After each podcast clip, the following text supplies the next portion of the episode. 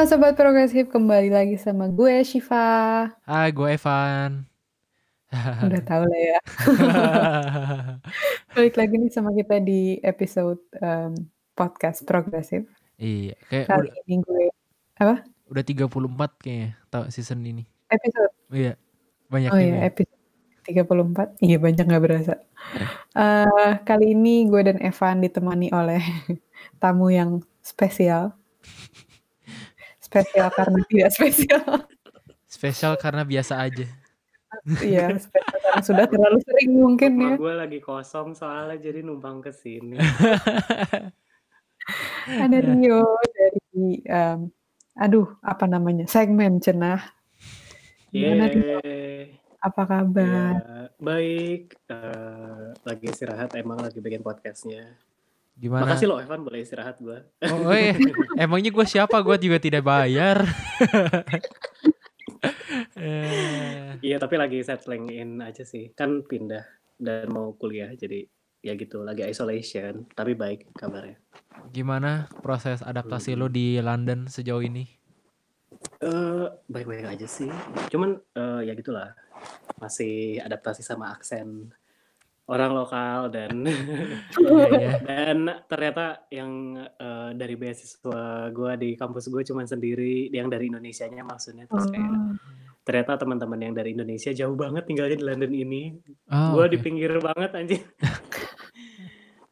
Heeh, ya gitu deh Iya, iya, iya, tunggu iya. lah sembilan hari lagi isolasi selesai Terus masuk kuliahnya kapan? Kuliahnya sih eh, hari Senin ya cuman emang full online dan Hmm. eh, udah dikasih reading list. Oh, oke, oke, oke, oke. Hmm. Ya, inilah ya, best of luck, tons of luck buat kuliah lu di UK. terima kasih terima kasih. Nanti gue sama Shiva mampir-mampir lah ke London kayaknya. Eh, eh lo oke, berapa tahun, tahun ya? Setahun doang gua. Belum nih? Pandemi. Udah kelar belum? Eh kita bisa nggak sih apply visa? Eh nggak bisa Evan Gak tahu, gak tahu lah. Nanti kita lihat deh gimana. mohon maaf ya udah keluar dari EU eh tapi mau kita sosokan. Indo kan mau nggak mau oh iya bukan EU nasional ya Iya, kita mah gak ngefek, kita gak ngefek. bener bener bener bener aja bener, apply bener. visa Aduh, aduh, aduh. so so Eh, nah ini kita kebetulan pas banget ya, ngerekaman tanggal 30 September. oh kebetulan sekali Satu hal yang tidak direncanakan sama sekali, kita rekaman tanggal 30 September.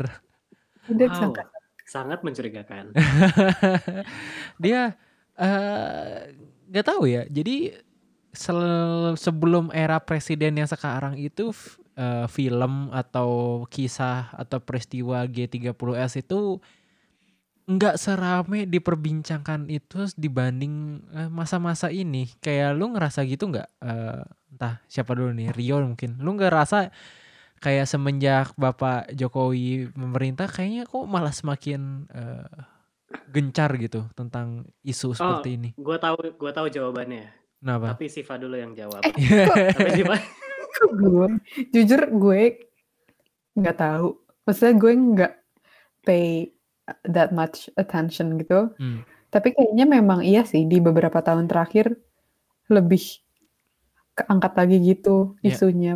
Soalnya kayak gue nggak ingat waktu zaman pemerintahannya Pak SBY gitu isu ini tuh gimana gimana gitu. Iya iya. ya nggak sih? Itu sih udah udah gitu doang. Coba balik lagi. Hmm, kalau gue sih karena jawaban singkatnya ya karena ini era reformasi. Jadi semua suara dapat ruang SBY juga Eh, reformasi maksudnya. Nah, tapi yang eh, ada yang menarik nih tahun 2015 itu ada peringatan 50 tahun 2015 itu Oh. dari Presidennya 65. Jokowi. udah Iya, Jokowi. udah Jokowi. Iya. Iya. Hmm. Dan waktu itu eh, kenapa Jokowi itu jadi kayak dapat momennya gitu karena Jokowi itu adalah eh, presiden pertama yang non militer. Jadi Hmm. sipil banget kan dia. Hmm. Jadi kayak dapat eh, apa kayak semacam harapan tinggi gitu. Hmm. Kalau SBY kan militer kan. Hmm. gitu dan kalau bicara G30S dan 65 ya kalau militer kan gimana ya gitu ya Iya. nah Jokowi ini dapat harapan tinggi sih walaupun sebenarnya satu periode kemudian masih sama aja Iya iya iya iya. iya. Iya. Kalian kalian berdua ada yang pernah nonton filmnya? Gua sendiri sih gua jujur belum pernah dari uh, lengkapnya gitu. Gue, gue itu pernah ada field trip gitu ke Lubang Buaya. Seingat gue diputar juga filmnya, cuman karena kan kita lagi field trip jadi nggak bisa lama-lama gitu. Jadi kayak gue cuma nonton 30 menit pertama gitu atau 15 menit bahkan. Gue nggak inget gue nonton satu film sampai habis gitu sih, enggak sih kayaknya. Oh, Oke oke oke. Kalau Rio pasti udah pernah ya? Mm, alhamdulillah nggak pernah nonton full juga sih. Gue kayak Siva juga gue ke Lubang Buaya. Cuma Hmm. karena itu study tournya gue jadi panitia, jadi gue bisa gue bisa melipir bantuin peserta kata gue gitu. Iya. Em, tapi anyway gue inget sih waktu SD eh di dalam tanda petik dipaksa nonton ya karena menurut gue itu nggak cocok buat anak SD dan gue Hmm. inget gue mual sih dan eh, cuma tutup mata karena menurut gue itu kayak terlalu mengerikan dan sebenarnya gue nggak ngerti itu filmnya film apa Hmm. Gue juga Eh, nggak ngerti itu film apa. Iya kan Kayak- cuman kayak sadis-sadisan doang kan Iya kayak cuman grafik aja tapi apa sih gitu. Hmm. anak SD gitu. Hmm, hmm, hmm, makanya ternyata gue Peristiwa G30S ini kan sebenarnya eh, banyak dipertentangkan di antara sejarawan dan eh, orang-orang yang eh, ya yang hidup pada zaman itu ya, tapi yang nggak berkaitan sama pemerintah gitu. Kalau buat yang kroni kroninya, aduh bahasanya ini banget ya. Tapi kalau Kroni. yang ada dalam pemerintahan kan sangat jelas kalau ya eh, PKI itu musuh negara, tapi ketika gue sendiri gue ingat waktu SMA gue diceritain tentang sejarah ini sama guru sejarah gue yang notabene juga dosen UPI gitu yang yang pokoknya terpandang lah Eh, beliau selalu eh, nggak pernah pakai istilah G30S PKI gitu. Selalu pakainya G30S karena menurut dia sampai sekarang nggak ada bukti jelas siapa sebenarnya dalang di antara ini. Apakah ini by design ataukah apakah ini literally hanya military coup di dalam tubuh TNI ABRI gitu. Eh ya tapi ya yang kelihatannya sekarang terpatri di masyarakat Indonesia secara umum ya bahwa G30S adalah bentuk kebengisan eh, PKI gitu sehingga kita harus Hmm. membenci PKI se sampai ke tulang-tulang kita kayak gitu kan. hmm, hmm, hmm, hmm. ya itulah keberhasilan propaganda Ngomong-ngomong soal propaganda. Ya, ya, ya, ya, ya, ya. Emang emang nggak ada counternya gitu ya film G30 SPKI itu emang emang satu arah gitu atau gimana gitu?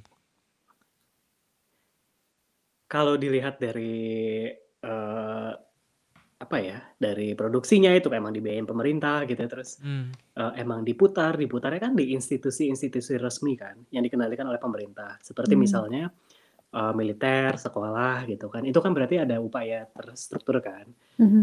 Em, counternya ada sih cuman ya mungil dibikinnya sama sutradara sutradara independen misalkan ada dua film yang mengangkat tentang eh oh ya bentar itu bukan tukang nasi goreng Bang. bukan bukan.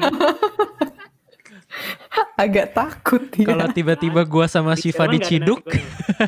Aduh. eh, Oh iya ya. Jadi ya em, ada eh, film misalkan eh, The Act of Killing eh, itu Jagal ya 2012 terus iya, The Look of nonton. Silence 2014 itu senyap. Itu kan mengangkat eh, dari tanda petik eh, si pelaku dan tanda petik si korban kan. Iya. dan itu filmnya tuh diputar secara independen dan sembunyi-sembunyi di Indonesia gitu. Hmm. kan. Emang itu nggak boleh ya? Eh, ya sebenarnya gini dari pemerintahnya kan nggak ngomong kan, tapi ormas-ormas tuh pada gerah. Oh. lapangan. Dan kalau ormasnya pasti ya kita tahu siapa yang terhubung dengan eh, tokoh-tokoh militer sebenarnya, Oke. gitu. Ya loreng-oren lah gitu. Iya iya iya. Ya. Yang namanya dasar negara kita Eh, banget gitu kan. Iya iya iya. yang iya. namanya eh, pulang pergi. ya, Iya gitu iya kan. iya iya. Podcast progresif namanya. oh iya. Shiva bingung ya yang mana ya. Enggak, enggak, gue tahu, gue tahu, Iya. gue tahu. Yang Jadi, depannya P, eh, belakangnya iya, A. eh, eh, inilah depannya P, apa ya, belakangnya A. uh, youth of uh, state ideology gitu. Iya. iya, iya. Uh, iya, jadi mereka kan selalu kayak datang menggerebek. Sebenarnya kan nggak ada dasar hukumnya juga sebenarnya ap- apa gitu. Hmm. Uh, nggak boleh nonton film kayak gitu. Tapi gue inget gue gue nonton film itu dan uh, oh ternyata gini ya. Oh ternyata ini ya yang Hmm. selama ini, puluhan tahun di, berusaha disembunyikan oleh pemerintah gitu Wow. Lewat film. Dan dan film dua film ini tuh dapat penghargaan loh dari Inggris. Hmm. BAFTA kan. Hmm, hmm, hmm, Iya. hmm. Karena emang itu kan dianggap dokumenter, dianggap eh, mengungkap apa sejarah begitu. Iya. Jadi kita bisa bilang film G30S itu salah satu bentuk propaganda kayak gitu. Tapi taruh dulu deh, sebenarnya kan lu belajar media ya. Jadi propaganda itu bedanya apa sih sama marketing biasa gitu? Atau em, kampanye gitu. Maksudnya kan kalau pemerintah pasti kayak misalnya ada kampanye yang gue inget dulu misalnya eh ya KB juga agak agak ini sih agak maksa juga sih. Saya kampanye Hmm, dua hmm. anak cukup atau yang konversi minyak tanah ke gas itu kan juga campaign gitu alasannya. Nah, anggapannya. Hmm, hmm. Tapi bedanya sama propaganda itu apa gitu? Jadi kalau eh, distinctive feature-nya, weh, sebagai anak komunikasi gue, eh, bedanya propaganda itu eh, cirinya adalah sa- sama sih kayak berusaha meyakinkan Hmm. eh, publik gitu ya Hmm. akan sesuatu. Cuma propaganda itu cirinya adalah eh, fact-nya tuh misleading dan Oke. fabricated. Hmm. kayak gitu. Eh, tapi bahwa ada upaya terstruktur gitu ya. Misalkan pakai penyuluh, pakai KB juga kan pakai penyuluh gitu Iya. ya, pakai juru penerang gitu ya dulu Iya. dari departemen penerangan. Kayak gitu itu eh, itu kampanye gitu. Kalau udah misleading, eh, fakta-faktanya dibuat, bikin film khusus untuk menciptakan sebuah persepsi gitu. Oh, itu eh, propaganda. Oke, oke, oke. Tujuannya apa tuh biasanya? Kayak propaganda kayak gitu-gitu. Ya untuk mem- menanamkan sebuah kepercayaan ya eh, di otak si masyarakat. Biasanya sih ujung-ujungnya pasti untuk eh, melindungi pihak-pihak yang berkuasa. Hmm. Pastinya gitu sih. Karena eh, propaganda itu selalu dibentuk sama pemerintah. Eh, bukan bukan rakyat eh, bikin film untuk eh, propaganda gitu. Itu bukan propaganda namanya. Itu namanya ada film independen dari rakyat. Oke. Tapi pada pemerintah itu propaganda dan karena nature dari pemerintah itu pasti tujuannya adalah melindungi pemerintah gitu. Melindungi yang berkuasa biasanya. Oh, oke oke oke oke oke. Ininya apa contoh-contohnya gitu selain G30S di Indonesia atau enggak di luar negeri gitu ada nggak? Apa Siva gitu atau Rio udah riset? Gue jujur belum Yang riset. gue tahu itu tadi gue baca artikel di Medium kan. Ya. Nah, yang menarik judulnya. Teori Goebbels dalam propaganda Jokowi. Apa tuh? Apa tuh? Apa tuh? Apa tuh? Jadi Joseph Goebbels itu tangan kanan apa tangan kiri? Bedanya tangan kanan atau tangan kiri apa? Tangan kanannya tangan kanan buat makan, tangan kiri Oh buat gitu, cebok. Jadi dia tangan kanannya em, Hitler. Dia Hmm. itu kalau nggak salah Wow. em, posisinya ada ada depart ada ministeriumnya sendiri. Iya dia, ya ministry, Iya kan? Ministerium of of Propaganda, Propaganda, iya iya. iya. Ministerium of Propaganda bener. Iya, Dia iya. itu menterinya. Iya. Jadi dia yang em, inilah yang kayak em, menyusun strategi propaganda tersebut gitu kalau di Jerman waktu Hmm, masa hmm. masa eranya Nazi. Hmm. Yang dia lakukan adalah gue nggak yakin jujur aja tapi yang setahu gue em, dia itu dulu suka bikin-bikin film juga Hmm. jadi mirip lah ya pokoknya bikin-bikin film tentang ya Nazi yang paling partai yang bisa membawa bangsa Arya ke em, keemasan gitu-gitu Iya, iya, iya. Terus em, dia ini punya teori. Jadi untuk menggiring opini publik itu lo tuh cuman perlu em, mengulang-ulang kebohongan. Jadi kayak kebenaran adalah kebohongan yang diulang-ulang. Dan yang dimaksud dengan kebohongan adalah fakta yang sebenarnya terjadi, cuman diputer dikit aja. Hmm. Jadi believable gitu. Betul. Kalau iya, kalau contoh dari Hmm. negara Jerman gitu. Ada lagi nggak ya? Mmm. Hmm. Ya. Mana lagi? Kalian pernah denger belum? Banyak sih di ja zaman perang dingin, misalnya perang Amerika gitu. Mmm, oh ini, eee, Amerika dan Irak gitu kayak iya Iya. Irak punya senjata nuklir gitu. Iya, iya iya iya, kayak gitu. Terus kayak Saddam Hussein udah siap nyerang Amerika, antara kita Iya. atau dia yang nyerang duluan, kayak gitu-gitu kan. Iya iya. Hmm. Atau di Korea Utara itu masuknya propaganda nggak sih? Korea Utaranya, dalam Korea Utaranya propaganda Iya, mungkin iya. iya sih, iya iya. Hmm. Hmm. Hmm. Gue Ternyata barusan inget banget sih yang disebutin Siva yang apa te- teori yang kebohongan itu kan kalau diulang jadi kebenaran. Ya itulah kuncinya. Oke. Tunggu deh. Maksudnya gimana ya? Ini kan banyak nih contoh-contoh yang udah terjadi gitu di dunia, di berbagai negara. Hmm. Ini tuh sesuatu yang normal nggak sih? Kayak Hmm. ngerti nggak? Ya ya ya ya. ya. Apakah eh, memang propaganda itu keniscayaan? Bagian dari Iya, pasti terjadi karena ada orang yang berkuasa dan yang orang yang berkuasa pengen istilahnya mengontrol semuanya dalam eh, pegangan atau kuasanya dia, pastilah akan ada tetap ada propaganda-propaganda tertentu yang harus dilancarkan atau bisa berkuasa tanpa berpropaganda gitu. Hmm. Menurut lu gimana, Rio? Mari kita tanya, mari kita tanya ke Frankfurt School ya ini.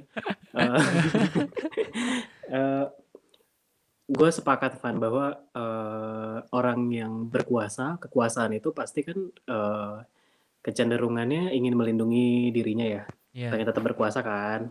Dia sih status quo nih. Hmm. Nah dia emang menggunakan berbagai macam cara untuk eh, ya bikin rakyat tetap tunduk lah gitu. Terus eh, kalau ditanya apakah ini keniscayaan, sebenarnya kecenderungan iya, karena kan kecenderungan eh, kekuasaan gitu ya. Hmm. Kekuasaan kan cenderung untuk eh, Korup.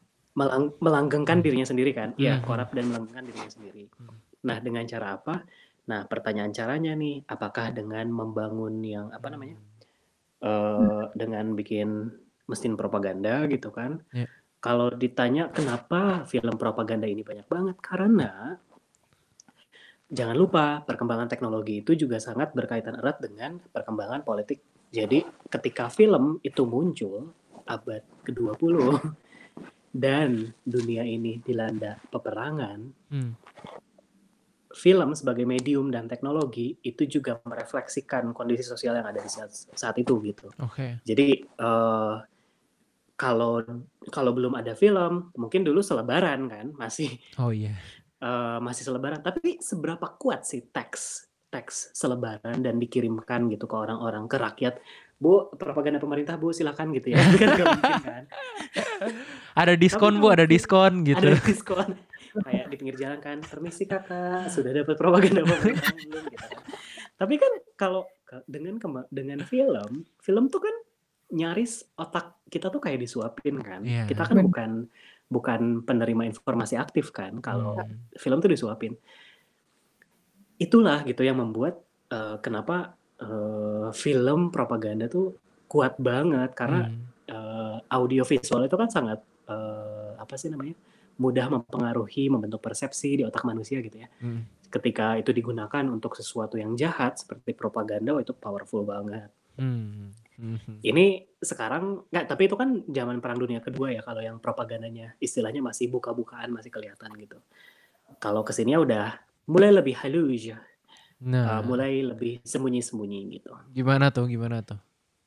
Yang sekarang. Uh, ini nggak di nggak di uh, cue sama pertanyaan selanjutnya dulu atau gimana nih? Udah nyambung soalnya, lu yang Oh, lu yang bawa sendiri soalnya. Iya, gue pikir lo do it on purpose gitu, semua kayak gila keren banget bridgingnya. Oh, gitu. Iya. Enggak sih, gue karena karena baca ini kan apa? Karena uh, kuliah gue mulai minggu depan media and power. Wow. Jadi kayak bacaannya soal itu. Jadi em, sekarang ya bentuknya digital, jadi perangnya propagandanya udah digital. Hmm. Mungkin kita udah nggak ngerasa itu sebagai propaganda, but it is a propaganda gitu. Em, Misalkan, tapi ini nanti dibahasnya lebih detailnya nanti aja ya. Iya. Misalkan eh, apa bikin kampanye di YouTube gitu kan, eh, film bla bla bla. Tapi sebenarnya gini, kalau bikin film propaganda sekarang rada susah nih karena informasinya udah terbuka, orang bisa mudah banget ngerespon film itu, mengkritik film itu. Oh, udah Jadinya ada pakai cara-cara lain. ini ya, udah ada Rotten Tomatoes, sudah IMDb, udah udah lengkap gitu. Gue ngebayangin G30S ada nggak sih Rotten Tomatoes? Oh my god, gue harus by the way. Iya, tapi sekarang pakai cara lain yang bukan film. Iya. Misalkan ya udah strategi digital dengan misalkan influencers, Oke. bazar, Hmm. em, terus apa sih tadi gue mau nyebut? Oh, internet shutdown itu yang paling Hmm. propaganda paling mengerikan Oke. di era sekarang. Internet shutdown. Iya, itu itu terjadi di Indonesia udah berkali-kali ya internet shutdown. Yang paling parah tuh di Papua sebulan lebih katanya. Atau berapa lama gitu? Eh, betul betul. Iya jadi eh kayaknya nggak terlalu lama deh. Tapi dia sempat kayak eh, berapa lama gitu yang ya intinya adalah melanggar akses eh, melanggar hak eh, warga untuk Ya. akses informasi sih. Hmm. Hmm. Terutama untuk orang-orang yang pengen melaporkan sebenarnya apa sih yang terjadi di sana gitu kan. Itu kan jur- dari Betul. sisi jurnalis atau sisi reporter kayak gitu hampir mustahil bisa ngeluarin berita tanpa internet. Betul. Hmm. Dan masalahnya di sana kan eh, coverage medianya sedikit banget kan. Jadi eh, Iya. biasanya orang-orang di luar Papua kan bergantungnya sama sumber-sumber informasi kan jurnalis lokal di sana, aktivis, peneliti gitu kan. Iya. Ketika internet di shutdown ya udah kita nggak tahu apa yang terjadi di sana kan. Iya, iya, iya, iya.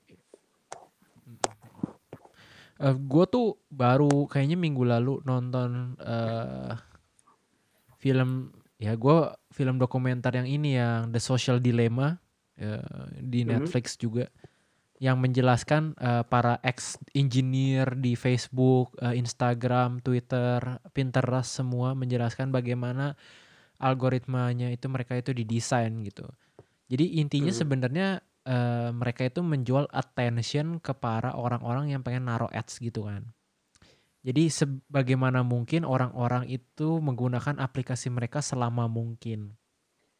Ya kalau misalnya lu pengen menggunakan selama mungkin ya harus lu nyaman lah di sosmed lu kan. Jangan lu ketrigger ketrigger gitu. Alhasil jadilah eh, algoritma yang mengagungkan ya kalau orang sukanya apa ya dikasihnya itu terus atau enggak dikasih ke rabbit hole yang ke daerah situ terus gitu kan. Nah, eh, akhirnya seperti yang kita tahu banyak digunakan untuk propaganda-propaganda atau istilah keren sekarangnya kayak em, fake fake news gitu kan. Mhm. penyebaran hoax atau misdisinformasi misalnya yang terutama yang lagi aktual sekarang dan masih aktual kayak COVID misalnya COVID ternyata nggak seserius itu, vaksinnya ternyata udah ada atau vaksinnya bikin lu autis terus lu bikin di microchip kayak gitu-gitu. Eh, jadinya propaganda sekarang udah quote unquote sudah dibantu sama sektor private. Jadi pemerintah nggak susah-susah banget sekarang untuk bikin propaganda, iya gak sih? Hmm. Wah, ini pertanyaan yang sulit ini. Iya, gue juga lagi Sifat. mencerna.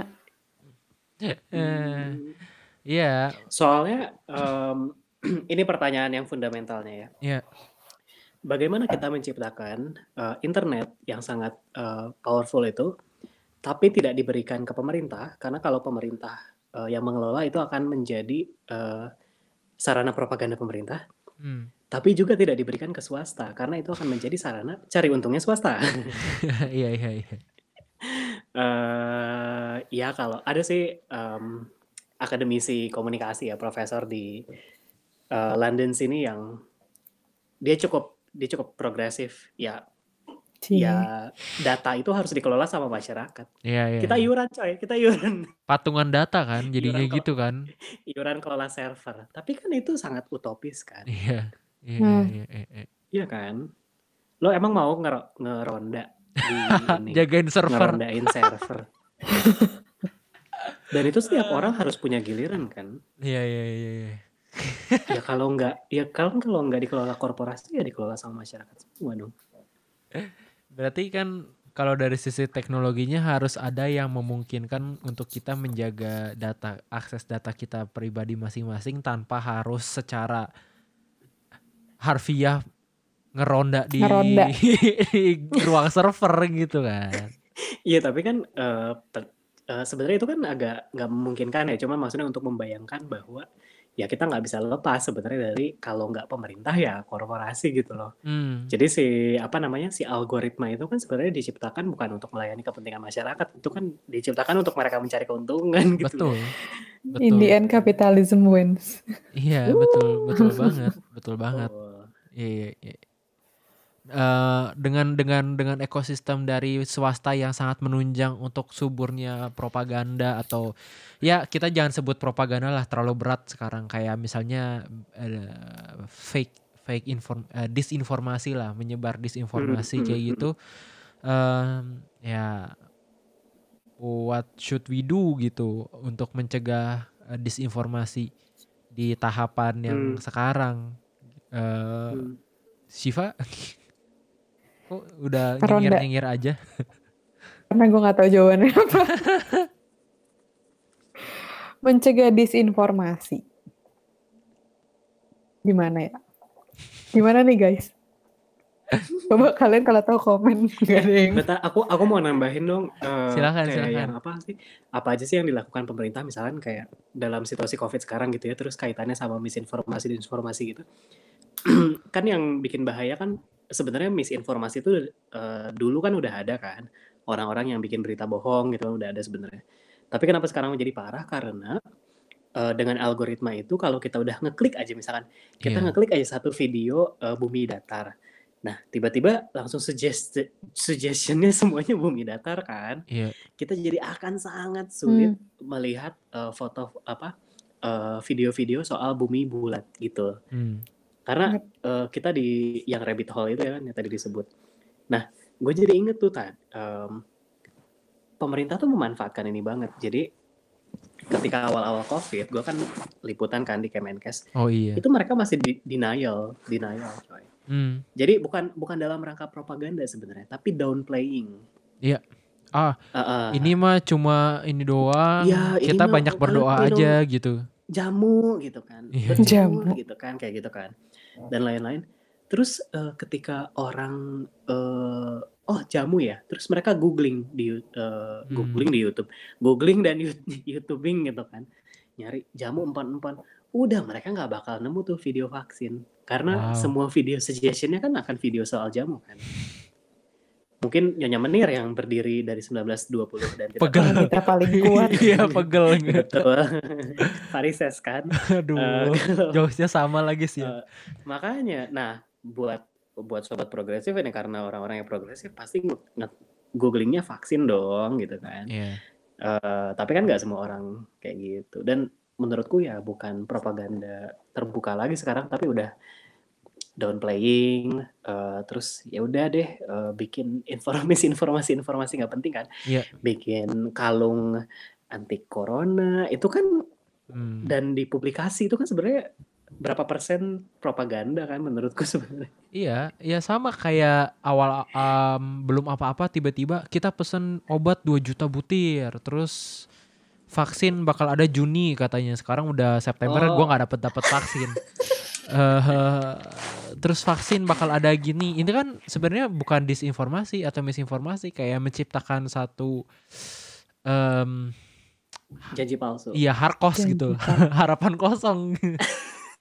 Harus Tapi PHP, PHP. Iya, tapi yang parahnya gini, kalau misalnya Harkos yang biasa mungkin nggak sebahaya itu. Cuma karena banyak orang yang punya harapan, ah ya udah nanti vaksin udah ada, jadinya orangnya eh, ini gitu, jadi acuh gitu, nggak nggak patuhin protokol, nggak ikutan eh, jaga jaga jaga jarak, tetap kampanye, tetap pilkada gitu kan, tetap aja Mm-mm. gitu kan, apa? Jadinya ke harapan-harapan palsu yang dikasih malah mendap bukannya menda- memberikan efek baik tapi malah kebalikannya jadi orang ma- sekarang aja di Indonesia kayaknya udah hampir 5000 kasus per hari ya gila banget Hmm, hmm. kalau ngomongin covid Betul, betul. Iya. Hmm. Ya itulah kemampuan apa sih namanya? Eh daya daya sebuah informasi ya, informasi kecil kalau diulang-ulang gitu, terus masyarakat tuh jadi percaya, masyarakat bisa jadi percaya, bisa jadi justru jadi nggak percaya lagi ke pemerintah gitu. Gitulah. Iya, iya, iya, iya.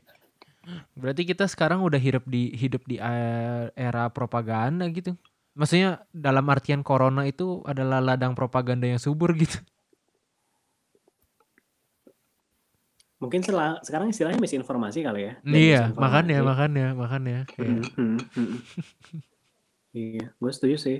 Kayak COVID itu bikin situasi panik yang apa ya, bikin semua orang cari-cari kesempatan aja sih buat bikin inform misinformasi, disinformasi. hmm, hmm, hmm, hmm, hmm, hmm. Jadi gimana sih udah ada jawabannya belum Jadi gimana, gimana nih? supaya kita tidak termakan disinformasi dari tadi Ini ya, ini ya. dari hasil buah pikiran gue yang cetek ini di kepala gue. Eh, kalau untuk menangani desain ya, disinformasi menurut gue yang paling penting adalah gimana kita menyaring informasi yang masuk kayak mem- kayak memilih apa yang mau kita percayai. ya. Oke, dengan cara berpikir kritis, kemudian melakukan check and recheck.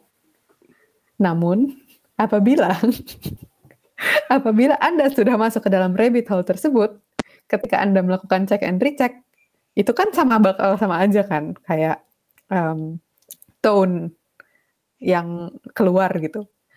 Eh, saran dari saya adalah berdiskusi dengan orang-orang yang progresif.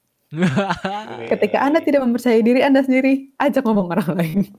Tapi yang kira-kira progresif gitu. Ngerti nggak? Kayak pilih-pilih lah ajak ngobrol. Cuman maksud gue kalau di saat-saat kayak gini mungkin diskusi diskusi itu penting ya masa Hmm. saling mengingatkan, saling bertukar pikiran biar nggak sempit gitu, biar lo ngelihat sesuatu tuh nggak dari pikiran lo doang, tapi lo juga bisa lihat dari dia, dia, dia, dia, jadi lo lebih terbuka gitu, Hmm. mudah digiring oleh satu source. Ya, ya, ya, ya. Gimana gimana?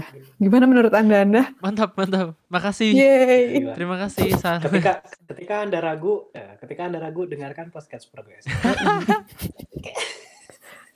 Muk- eh, gue jadi keinget jadi gue pernah eh, mungkin ini sekalian penutup eh, yang kali ini gue eh, waktu itu pernah ambil satu kelas yang namanya tentang eh, how to learn learning to learn. Apa gitu kayak gitulah tentang belajar untuk belajar. Gimana lu bisa belajar dengan dengan maksimal kayak gitu. Terus profesornya bilang kalau misalnya eh, kita itu bahkan udah kesusahan untuk mengejak kata dengan benar. Karena untuk ngetik aja kita udah pakai eh, suggestion terus kan. Betul, kayak orang mau ngetik misalnya immediately aja udah susah gitu. Eh, i m m e d i a t e Nah, kan LY. gimana? Gue jadi LY. bingung. LY gitu. Eh itu udah susah. Karena memang nature-nya manusia kan kayaknya kita udah pernah bahas sebelumnya. Eh bahasa itu baru muncul itu paling belakang yang paling pertama muncul kan emosi eh apa gerak tubuh mimik. Jadi kalau lu cuma chat-chatan sama orang doang walaupun lu rasanya udah connect sama orang padahal lu tuh secara biologis itu belum gitu loh maksudnya jadinya gak heran kenapa makin banyak orang yang nggak bisa berko- berdiskusi dengan baik karena orang udah terlalu terjebak dengan screen dan eh, chatting gitu. Jadi semenjak gua belajar itu dan gue belajar itu lumayan cepet 2017 gitu. Sebelum sebelum eh, makin parah kayak sekarang eh, sebelum banyak disinformasi sebanyak sekarang eh ya ya gue seneng aja sih jadinya setiap kali ada kesempatan untuk eh, ngobrol atau apa ya dimanfaatkan gitu kan Rio juga pasti lu gitu juga gak sih gue setuju sih. Emang apa ya? Ya setiap individu kayak Siva sama Evan ngomong, eh, kita harus punya filter gitu kan. Eh, tapi tidak cukup saja hanya dalam skala individu. iya iya. Hmm. Karena menurut gue kalau individu-individu tuh kayak gini loh kayak kayak masalah lingkungan ya. Mau kita pakai sedotan stainless straw juga. tuh kalau industri masih buang limbah ke laut juga ya kagak ngaruh. Hmm. Jadi um, menurut gue sih uh, perubahannya kalau mau yang utopis gitu, yang radikal tuh ya emang korporasinya harus diregulasi lebih ketat, terus Hmm. dipajakinnya lebih tinggi gitu Hmm. loh. Terus um, apa namanya uh, korporasi itu nggak boleh monopoli kayak kayak sekarang nih ya. Um, Facebook sama Google tuh kan udah gede banget kan. Ya. Eh, mungkin eh, ya harus dipecah gitu loh. Iya. Gimana caranya supaya powernya nggak segiant sekarang. Hmm. Terus kalau di Australia, eh, mereka itu berusaha memajaki Google setiap eh, ada konten berita yang konten yang news ya, itu harus dikasih AdSense-nya lebih besar daripada konten non news. Wow. Hmm. Kenapa? Karena kalau pakai algoritma yang sekarang, satu klik buat Atta Halilintar dan satu klik buat eh, narasi TV itu kan sama kan AdSense-nya Oh, kan. Iya, iya. Padahal sebenarnya kan eh, kualitas pekerjaan dan apa namanya penting inform kualitas informasi di dalamnya beda. manfaat ya yang dibawa ke masyarakatnya beda gitu Iya dan lo. dan dan eh, itu jadi dampaknya ke trust sebenarnya Iya. trust. Eh, news itu kan bergantung sama trust kan. Hmm. Kalau orang udah nggak percaya, terus Hmm. semua orang cuman dengerin podcastnya Deddy Corbuzier, terus yang Ya. newsnya gimana dong? Ya, ya, Jadi ya, ya, gitu. Jadi, nah tapi itu juga Google-nya kan nggak suka sama Hmm. eh, regulasi itu gitu kan. Tapi menurut gua em, apa ya eh, yang ide-ide semacam gitu itu kan jauh ke depan banget ya. Menurut gua perlu mulai didiskusikan sih Hmm. eh, bahwa platform juga harus memperbaiki dirinya. Ya. Platform juga udah terlalu berkuasa sekarang, jadi harus dibagi-bagi tuh entah kekuasaannya. Iya, ya, setuju banget. eh sudah, kita sudah cukup 30 berapa menit berdiskusi tentang G30S dan propaganda masa kini. Kini. iya. Ya. Terima kasih sekali lagi Rio dari pinggir sungai Thames menemani Eh, kita. Citames ini gua. Citames apaan? ya, nanti gua usahain main-main lah kalau covidnya udah beres sama Siva ke Iya. London. Gue belum pernah ke UK nih, jadi doakan. Nanti gua sambut lah pakai Tanjidor. jaipong. Tanjidor. Tanjidor. Roti buaya. Iya, mau nikahan. Mau nikahan. Aduh. Oh, Oke, makasih Rio again. Makasih Rio. Thank sudah you Evan. Jiva dan thank you Sobat Progresif. Oke. Terima kasih Sobat Progresif sudah dengar sampai akhir. Senang sekali bisa terus menemani kalian. Eh, mungkin juga di beberapa minggu depan kita akan ada sedikit istirahat dulu kali ya. Apa? Kita ngeplan untuk itu ya shift apa? Iya. Kayaknya tengah Sep, tengah Oktober gitu. Jadi eh, ya terima kasih untuk attention kalian sejauh ini. Eh, sampai ketemu minggu depan. Gua Evan cabut. Gue juga cabut. Bye bye. Bye bye.